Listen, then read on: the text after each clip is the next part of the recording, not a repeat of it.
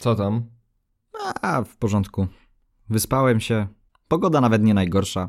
Superliga spadła z rowerka. Żyć nie umierać.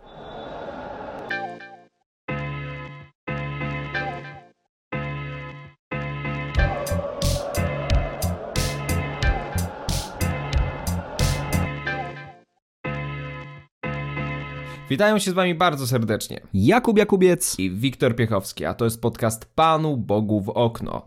Co było, a nie jest, nie pisze się w rejestr. Nie tym razem, niestety. Superliga ukazała negatywne strony futbolu opierające się na finansach najsilniejszych klubów. Gwiazdami tych rozgrywek nie byli piłkarze, ani nawet trenerzy, ale prezydenci, których nie interesowało nic poza pieniędzmi i własnymi długami.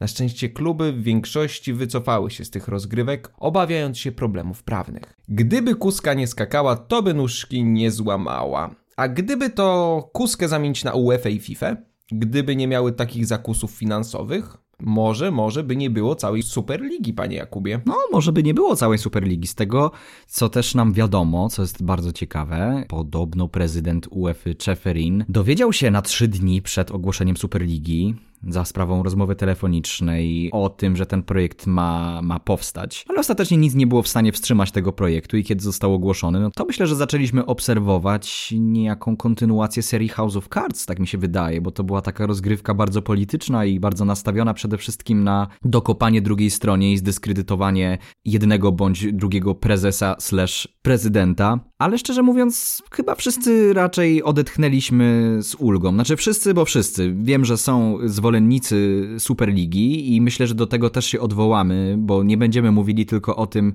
mm, co złego Superliga mogła nieść za sobą, ale także myślę, że warto zwrócić uwagę na te dobre rzeczy, pozostając jednak przy tych złych. Na całe szczęście, na całe szczęście ten projekt, który powiedziałbym brzydko, został przygotowany na kolanie pod względem sportowym i był świetnie przygotowany pod względem finansowym, upadł, ponieważ faktycznie, tak jak rozmawialiśmy we wtorek, ten projekt niósł za sobą zagrożenie dla mniejszych klubów. Bez względu na te wpłaty solidarnościowe, o których y, wspominał Florentino Perez tak głośno, że to wcale nie przyczyniłoby się do degradacji futbolu na, na niższym poziomie, to myślę, że jednak przede wszystkim zabiłoby to ducha sportu i, i obawiam się, że z tej drogi nie byłoby odwrotu, Wiktorze. Zgodzę się z tobą, zgodzę się z tobą, zważywszy na to, że internet zalała fala zdjęć, na których kibice dość wyraźnie pokazali, co sądzą o samym projekcie Superligi. Co ciekawe, większość działaczy i większość zawodników, co widzieliśmy na przykładzie Chelsea, była po stronie kibiców. I to jest niesamowite, że tak wielkie kluby jak Real Madryt, FC Barcelona czy kluby angielskie w ogóle tego nie przedyskutowały ze swoimi zawodnikami. Nagle słyszymy otwarcie, jak zawodnicy Manchesteru United czy Manchesteru City mówią, że im to się nie podoba. Trenerzy Jurgen Klopp mówi, że nic o tym nie wiedział. Pep Guardiola. Pep Guardiola tak samo. Zinedine Zidane podkreśla, że on o niczym nie wie. W ogóle to jest ewenement, że Jordan Henderson, kapitan Liverpoolu, organizuje specjalne zgromadzenie kapitanów klubów Premier League, żeby z nimi przedyskutować całą sytuację. Widać to, co powiedziałem we wstępie, że futbol przestał być sprawą piłkarzy i trenerów, a także kibiców, a stał się prezydentów. Po prostu. To jest straszne, że finanse aż tak mocno weszły do futbolu. Tak, i można by tutaj dyskutować o tym, yy, czy, czy, czy takie stwierdzenie w jakiś sposób trywializuje cały problem. Natomiast wydaje mi się, że jest to idealne podsumowanie tego, czego byliśmy świadkami, bo cała ta Superliga, ona została przygotowana mm, w dosyć niepoważny sposób, tak? Mieliśmy Florentino Pereza, który udziela mm, nocnego, można powiedzieć, wywiadu, że nie mamy faktycznie żadnej konferencji prasowej prasowej, nie mamy social mediów w pełni ogarniętych ze strony Superligi, tylko po prostu pada takie ogłoszenie i mm, tak naprawdę z tego ogłoszenia nie za wiele wynika. Wiemy, jakie kluby wezmą udział w Superlidze, wiemy, jakie kluby będą założycielskie, mniej więcej wiemy, jak te rozgrywki mają wyglądać, natomiast tak naprawdę cały czas ten twór jest jedną wielką niewiadomą, która mm, podnosi ciśnienie kibicom, którzy nie chcą czegoś takiego po prostu oglądać. Ja oczywiście rozumiem to, co mówił Florentino Perez w wywiadzie, że trzeba ratować piłkę, że młodzi ludzie przestają interesować się piłką lub w ogóle nie łapią bakcyla w przypadku piłki nożnej, bo są przyzwyczajeni do trochę innych form, y, do innych treści, do krótszych form, to jest absolutnie prawda. I myślę, że to jest kwestia, którą warto przedyskutować, prawda? Natomiast nie wydaje mi się, żeby Superliga była jakimś wielkim rozwiązaniem tego problemu, że fakt, że upchniemy 12 zespołów, czy 15 zespołów, czy nawet 20 zespołów, koniec końców, które będą miały po prostu najwięcej pieniędzy, czy to rozwiąże problem tego, że ludzie odwracają się od futbolu? Czy takie hitowe spotkania na dłuższą metę faktycznie byłyby takim przyciągaczem uwagi młodego widza? Bo szczerze mówiąc mi się nie wydaje. Czy na przykład widziałbyś taką, taki scenariusz, w którym Superliga, jako że jest poza regulacjami, mm, przynajmniej miała być poza regulacjami FIFA i UEFA, w momencie swojego ogłaszania mogłaby na przykład wpływać na zasady piłki nożnej? skracać mecz na przykład. Nie, nie, wydaje mi się, nie wydaje mi się to być potrzebne, tylko problem tutaj nie polega na tym, żeby 12 klubów najlepszych ze sobą grało, bo to wiadomo jest, że będzie nudne. Coś w rodzaju tego dobrobytu, który posiadasz. Chodzi o to, że mając 12 najlepszych samochodów na świecie, one ci się nudzą. Po prostu, one ci się nudzą. Nudzi ci się to, że wsiadasz do tego, jest y, idealny. Wsiadasz do kolejnego jest idealny. Potem podświadomie i tak i tak zaczniesz szukać kolejnej, tej trzynastej rzeczy. jeżeli chodzi o problem Superligi czy futbolu, który tak bardzo jest ważny dla Florentino Pereza, to ja bym zwrócił uwagę na inną rzecz. Teraz nagle wybielamy UEFA i FIFA, że, że one tak stoją na straży. Do A nie powinniśmy. A nie powinniśmy, nie powinniśmy bo to akurat, gdyby kuska nie skagała, w tym wypadku bardzo dobrze działa. Gdyby UEFA tak bardzo nie ingerowała i w kluby, i w rozgrywki. Kolejna rzecz, do której zmierzam, to ilość rozgrywek. Ludzie nie są znudzeni tym, że klub mały gra z klubem wielkim. Nie, bo to też jest piękne. Tylko jest znudzony tym, że włącza telewizję i widzi mecz. Następnego dnia włącza telewizję i widzi mecz. Jest za dużo, jesteśmy atakowani piłką nożną do tego stopnia. Rozmawialiśmy o tym jeszcze, jeszcze niedawno temu, jak była pandemia, że w momencie, jak wróciły wszystkie rozgrywki, nagle nie wiesz, gdzie się w tym wszystkim odnaleźć, co oglądać, czego nie oglądać. Y, pierwsza Bundesliga gra w tym samym momencie, co druga Bundesliga, która gra w tym samym momencie, co y, Premier League. Nagle te mecze muszą zostać rozegrane, bo jest taka intensywność. Jeżeli zwrócimy sobie uwagę na inne sporty, jak na przykład y, Tomasz Ciąkała bardzo dobrze to określił, porównując piłkę nożną do Formuły 1. Dokładnie, dokładnie to chciałem powiedzieć, że to jest genialne powiązanie. Świetnie to ujął. I, tak. I to faktycznie, to, to co powiedział też Tomasz Ćwiąkała w swoim filmie, myślę, że to mogłoby faktycznie realnie wpłynąć na popularność piłki nożnej. To, że będzie większy dostęp do klubów, do zawodników, że dziennikarze będą mogli kreować y, piłkę nożną bardziej pod jednostki, pod piłkarzy, których, którzy stają się idolami, aniżeli po prostu ludzie będą stawali się kibicami drużyn, bo to już wiemy, że mniej więcej odchodzi do, do lamusa i wiele osób, na przykład jak y, uwielbia Cristiano Ronaldo czy Leo Messiego, to dla niego ogląda te Barcelonę czy Real Madryt lub w tym wypadku Juventus, aniżeli odwrotnie. Formuła 1 oprócz tego myślę, że jest dobrym, trafnym y, odnośnikiem, jeżeli chodzi o te mm, zasady finansowania również. Tam w Formule 1 mamy limity budżetowe które myślę, że byłyby bardziej zdecydowanie przejrzystą formą weryfikacji mm, klubów, aniżeli finansowe fair play, wokół którego cały czas majstrowano, które tak naprawdę, mimo tego, że miało wstrzymać napływ zawodników za chore pieniądze do, do klubów, to na niewiele się to zdało, bo te ceny i tak czy tak prędzej czy później do góry poszły. I, i tutaj może taki limit na przykład by, by, by spełnił swoją funkcję. Ale dobra, nie, nie dywagujmy, nie dywagujmy teraz Ale o tym. Takie coś już istnieje, takie coś istnieje już w MLS, gdzie klub kluby umawiają się na daną sumę po prostu i wchodząc w dany sezon musisz zapłacić wejściowe. To jest idealne, bo kluby są po prostu wypłacalne i nie mają długu. I właśnie. I właśnie o, to, I właśnie o to chodzi i do tego zmierzam. Jeżeli mówimy o pozytywnych aspektach Superligi, to one są takie, że projekt Superligi pod względem finansowym pokazał, że da się zrobić rozgrywki na najwyższym poziomie z o wiele większymi pieniędzmi że właśnie gdy umawiamy się na to, że wkładamy jakiś kapitał, równocześnie wchodząc, wkraczając do Superligi, że te sumy, które ostatecznie otrzymują wszystkie kluby, są gigantyczne. Ta y, cała umowa z y, wielkim bankiem JP Morgan miała obejmować tam miliardy, miliardy. Co, co więcej, ta inwestycja miała się zwrócić temu bankowi podobno dwukrotnie z tego, co patrzyłem na liczby, więc, mhm. więc I to w przeciągu kilku najbliższych lat. I myślę, że to tylko i wyłącznie obnaża to, jak bardzo UEFA stała w miejscu przez te wszystkie lata. I ja się zgadzam z tym, co mówi Florentino Perez, że mm, futbol potrzebuje ratunku. Jeżeli kluby potrzebują ratunku finansowego, to y, trzeba coś z tym faktycznie zrobić, chociaż same są sobie winne tak naprawdę też, napędzając cały czas tę machinę i, i, i kontynuując ten wyścig zbrojeń, jeżeli chodzi o wydawanie chorych sum na transfery.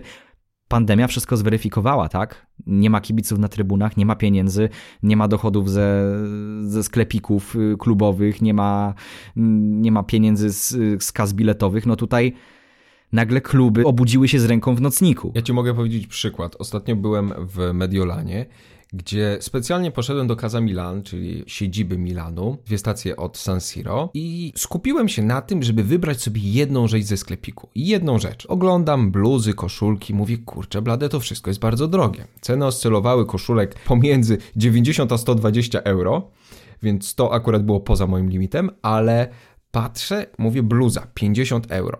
Mówię, no dobra, mogę sobie pozwolić. Kupiłem to, patrzę na rachunek i zobaczyłem, że sprzedawca dał mi 33% rabatu. Zapytałem dlaczego.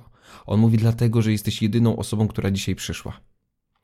Czyli wynika może to nie z tego, że nie ma kibiców, tylko może wynika z horrendalnych sum, jakie trzeba płacić i za gadżety, i za członkowstwo w fanklubach, i za karnety, tak? To, to, sprawa Superligi to nie jest tylko piłka nożna, to jest obsługa klubów, to jest obsługa kas biletowych, które sprzedają za horrendalne sumy bilety, to gadżety, to wszystko się napędza do tego stopnia, że robią, robią się długi. A te ceny, a te ceny idą cały czas w górę i, i z tego co się orientuje Chelsea bodajże ogłosiła też, że podwyższy ceny biletów. Mhm. Chelsea, która swoją drogą była pierwszym klubem, który można powiedzieć, że oficjalnie podał jakąś informację odnośnie tego, że zamierza się z Superligi wycofać. Na początku dnia, czyli kiedy wypuściliśmy nasz pierwszy podcast, czyli we wtorek, dochodziły słuchy a propos Manchesteru City, że chce się wycofać. To było najgłośniej właśnie na temat Manchesteru City, że to Manchester City jest tym klubem, który chce zrezygnować z udziału w Superlidze. Następnym klubem oficjalnie była Chelsea. Mm, później inne angielskie zespoły również się z tych rozgrywek wycofały. I teraz tak, możemy mówić, że futbol zwyciężył, co myślę, że będzie bardzo dużym nadużyciem, że kibice zwyciężyli. Faktycznie był protest pod Stamford Bridge. Ja śledziłem tę sytuację na bieżąco, bo chciałem obejrzeć też wieczorem mhm. mecz, spotkanie między Chelsea a Brighton. Swoją drogą niesamowicie nudny mecz, ale dawno tak bardzo się nie cieszyłem oglądając tak nudny mecz, bo, bo te emocje związane z Superligą i ewentualnym odroczeniem jej, bo dalej uważam, że, że, że tutaj nie możemy mówić o końcu Superligi. Bardzo, bardzo pozytywnie te, te, te, te wieści mnie, mnie nastroiły i ta reakcja kibiców była nieprawdopodobna, kiedy dowiedzieli się, tam w ogóle Petr Czech też pośredniczył w, w całych tych protestach, także to było naprawdę duże pospolite ruszenie i to wcale nie tylko kibice Chelsea byli, byliby skłonni tak. wyjść na ulicę, bo, bo tutaj były te transparenty na Enfield.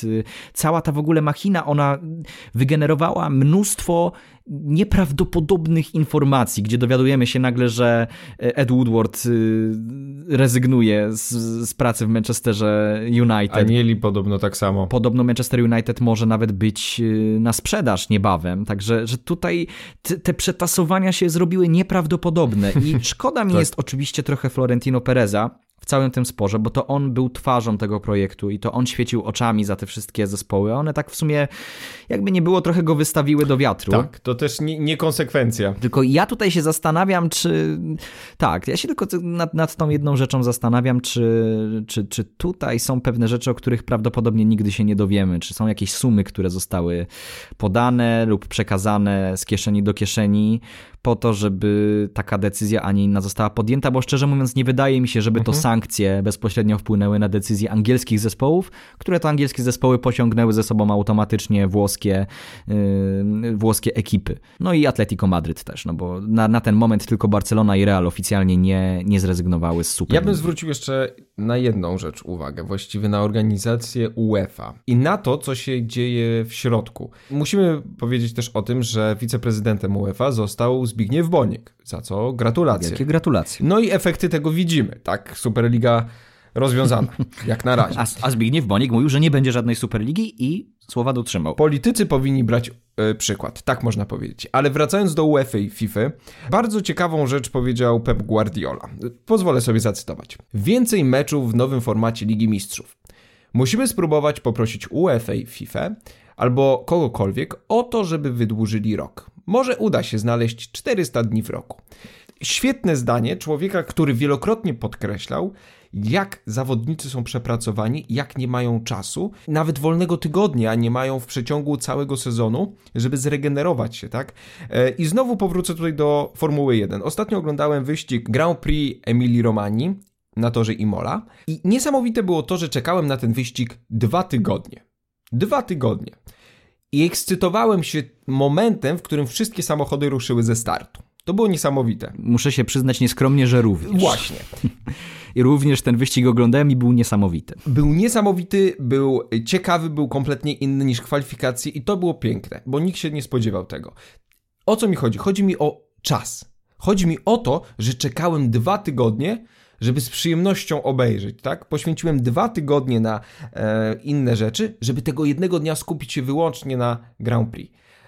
Jeżeli chodzi o piłkę nożną, jeszcze długo tego nie, nie doświadczymy, ze względu na to, że zobacz. Wszystkiego jest więcej. Jest więcej i nie ma żadnej potrzeby. Naprawdę nie ma potrzeby. Mecze reprezentacji, które miały być towarzyskimi, zamieniono na Ligę Narodów, która... I powiedz mi szczerze, czy ekscytujesz się Ligą Narodów? Kompletnie ja nie. kompletnie, Kompletnie nie. nie. I uważam, że ten pomysł jest kompletnie jest nietrafiony i nie prowadzi donikąd tak naprawdę, bo, bo co, no wygramy Ligę Narodów i, i co? Właściwie jaka jest pozycja takich rozgrywek względem Mistrzostw Świata, Mistrzostw Europy? Nagle powstanie jeszcze Liga Narodów drugich, lista zespołów premiowanych i tak dalej, i tak dalej. Coś, w, w co miało miejsce w boksie, gdzie było na początku kilka kategorii wagowych, a potem nagle się zrobiło z niej tam 17 czy 18.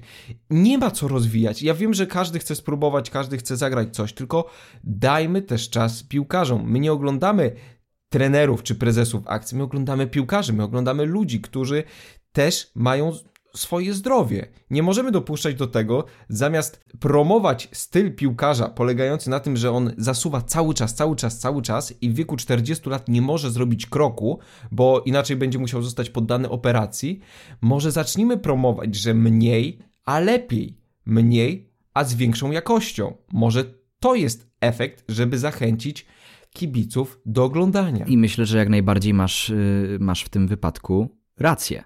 I mm, zwróciliśmy w poprzednim podcaście uwagę na wypaczenia, jakie mogłaby powodować Superliga w takiej formie, w jakiej została zaprezentowana. Mam tutaj na myśli oczywiście tylko i wyłącznie aspekt sportowy, gdzie te absurdy grania o tak zwaną pietruszkę, zarówno w ligach krajowych, jak i w samej Superlidze, byłoby czymś kompletnie irracjonalnym. Ale nawiązałbym jeszcze do tego, co ty powiedziałeś przed chwilą, gdzie zacytowałeś Pepa Guardiolę, bo to UEFA i FIFA bezpośrednio są odpowiedzialne za to, że mamy tyle drużyn w Lidze Mistrzów. To 20 oni są odpowiedzialni za to, że te rozgrywki nie są tak emocjonujące jak dawniej.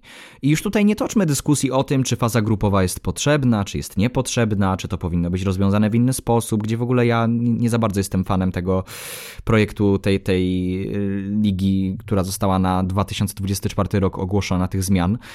Bo przede wszystkim tych zespołów jest za dużo. Tych zespołów jest za dużo i to, i to się tyczy także dużych turniejów y, reprezentacyjnych, mistrzostw świata, mistrzostw Europy, gdzie kiedyś to były naprawdę elitarne rozgrywki i im więcej tych zespołów dodajemy, tym bardziej się to wszystko rozrzedza i tym mniej mamy tych spotkań na najwyższym poziomie i tym mniej my też sami się emocjonujemy. Ja może powiem teraz bardzo kontrowersyjną tezę i kontrowersyjną rzecz, natomiast co gdyby faktycznie Superliga powstała, bo ona powstanie. Ja tak, tak samo mogę postawić wszystkie pieniądze na to, że Superligę niebawem zobaczymy.